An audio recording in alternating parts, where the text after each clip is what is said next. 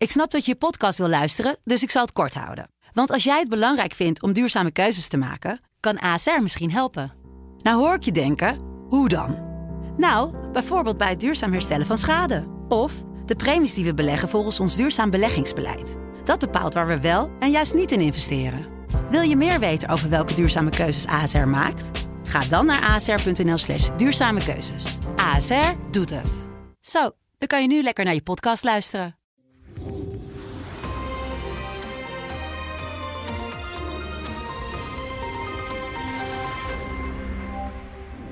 Welkom bij het gesprek met Paul Jansen, de hoofdredacteur van de Telegraaf, waarmee we wekelijks doornemen wat hem bezighoudt in het nieuws. Nou, Paul, houdt jou de laatste nogal wat bezig in het nieuws, want er zijn grote dossiers. Laten we beginnen met de boeren die uh, tot grote verdeeldheid in de maatschappij zorgen. Ja. Uh, sowieso is het een, ook misschien met die coronaperiode er nog achter ons, zitten we met die inflatie. We zitten nog met de toeslagaffaire. We zitten met hele grote dossiers, grote veranderingen. Waar uh, het verloopt allemaal niet zo soepeltjes, laten we het zo zeggen. Ja, dat is uh, eufemistisch uitgedrukt. Ja. Het, ja, je merkt echt dat er iets broeit in de samenleving. En we hebben natuurlijk deze week weer het kamer, Kamerdebat gehad. En dan zie je ook vertwijfeling bij de politici van, van, van wat, we, wat we nou moeten. En uh, uiteindelijk komt er dan uit de hoge hoed dat er een bemiddelaar uh, moet komen. En, en, dan denk je in eerste instantie, nou, misschien uh, geen gek idee. Zorg dat iedereen weer een, een, beetje tot rust komt, aan tafel plaatsneemt en dat we kunnen praten. Maar tegelijkertijd moet je, moet je erna gaan dat, dat in de volksvertegenwoordiging er wordt bedacht om een bemiddelaar aan te stellen. Hoe bizar dat eigenlijk is. Ja. En dat, en volksvertegenwoordiging is feitelijk al een soort van... Dat bedoel ik. Ja. Dat bedoel ik. Dat, en, en uh, nou, nou, zou die bemiddelaar natuurlijk niet, niet namens de Tweede Kamer, maar vooral namens het, uh, de coalitie het kabinet uh, moeten gaan praten. Maar het geeft, het geeft wel iets, iets aan van de, de, de, groeiende diepe kloof. En je hebt, je hebt het nu gezien bij de boeren, waar, waar Den Haag toch bij kans verrast lijkt door de weerstand en, en, en, en, en de, de, het verzet wat je uit, uit de, de gemeenschap hoort. Waarbij uit peilingen blijkt dat, die, dat het verzet, en dan heb ik het niet over het geweld, maar wel over, over uh, overtredingen zoals het blokkeren van snelwegen, wordt, wordt echt breed gedragen Ja. in de samenleving volgens peilingen.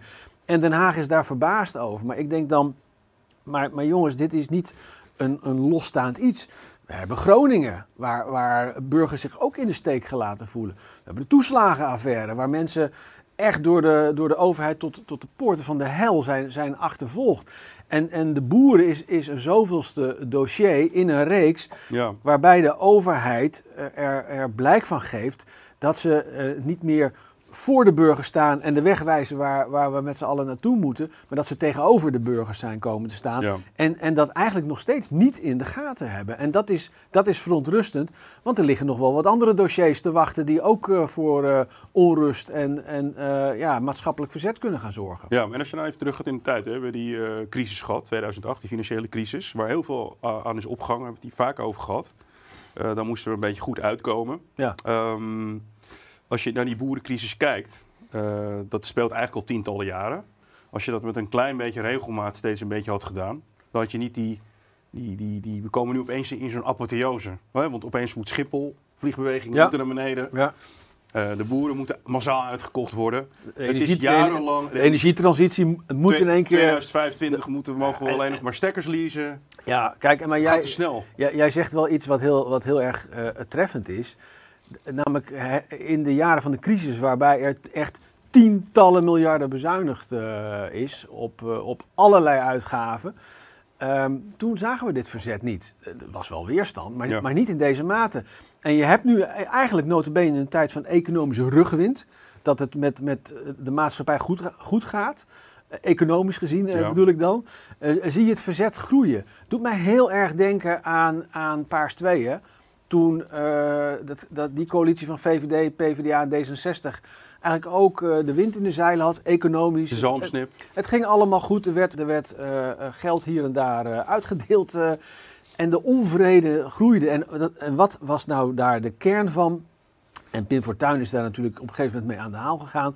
Is dat Den Haag, politiek Den Haag, niet meer aanvoelde Nee. wat het land bezighoudt. En je ziet exact dat zie je nu, weliswaar op andere dossiers, maar niet alleen. Want kijk, kijk maar eens naar uh, de migratiepolitiek, de, de asielproblematiek. Uh, waar mensen ook het gevoel hebben, is die overheid er nog wel voor mij? Of is die overheid er vooral voor anderen? Ja. En als je dat gevoel in brede zin krijgt. Niet alleen bij boeren, niet alleen bij mensen die in Groningen getroffen zijn, niet alleen bij, bij uh, toeslagenouders, maar op tal van dossiers. En, en denk maar eens aan de koopkracht, waar mensen het gevoel hebben van ja, ja. torenhoge inflatie en ik moet het maar oplossen. Ondertussen komt Den Haag met allerlei dwingende uh, maatregelen, weliswaar op termijn. Hè, denk aan, aan uh, dat, dat de kilometerheffing wordt ja, ingevoerd, de energietransitie, waar iedereen aan die dure ketels moet. En zo zijn er heel veel dossiers te noemen waar, waarbij mensen het gevoel hebben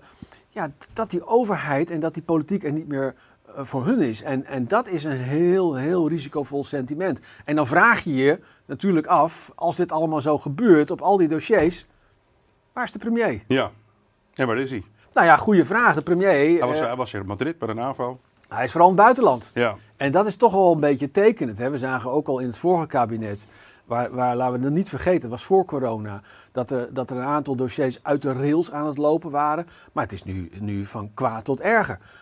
Ik blijf zeggen, we wonen nog steeds in een, in een prachtig land. Echt, echt een prachtig land. Maar die kloof tussen politiek en maatschappij, die, ja, die, die, die neemt een, een zorgelijke omvang aan. En daar moet echt wat aan gebeuren. En Rutte heeft dan nu eh, een soort mea culpa gemaakt in de Kamer uh, van uh, ik trek mij dit aan en ik ga me er meer mee bezighouden. Maar hij zegt tegelijkertijd, ja, het primaat moet wel bij de, minister, bij de vakminister liggen. Dat, snap ik, dat snap ik ook, want als, als hij het allemaal naar zich toe trekt, ja, dan raakt hij overal eh, zelf helemaal uh, in, in, vastgezogen. En, en uh, dat moet je als premier ook niet willen. Want hij is toch een beetje, vermoed ik, bezig met zijn legacy in zijn laatste termijn. En dat ziet er op dit moment allemaal niet zo fraai uit. Maar er is dus echt, echt werk aan de winkel. En het kabinet moet, uh, hè, onze columnist Ronald Plasterk zei het ook, minder, minder zenden en meer luisteren naar de maatschappij. Ja. En ik denk dat een bemiddelaar daar niet bij gaat helpen. Ze moeten gewoon actief zelf het land in. Dankjewel. Graag gedaan.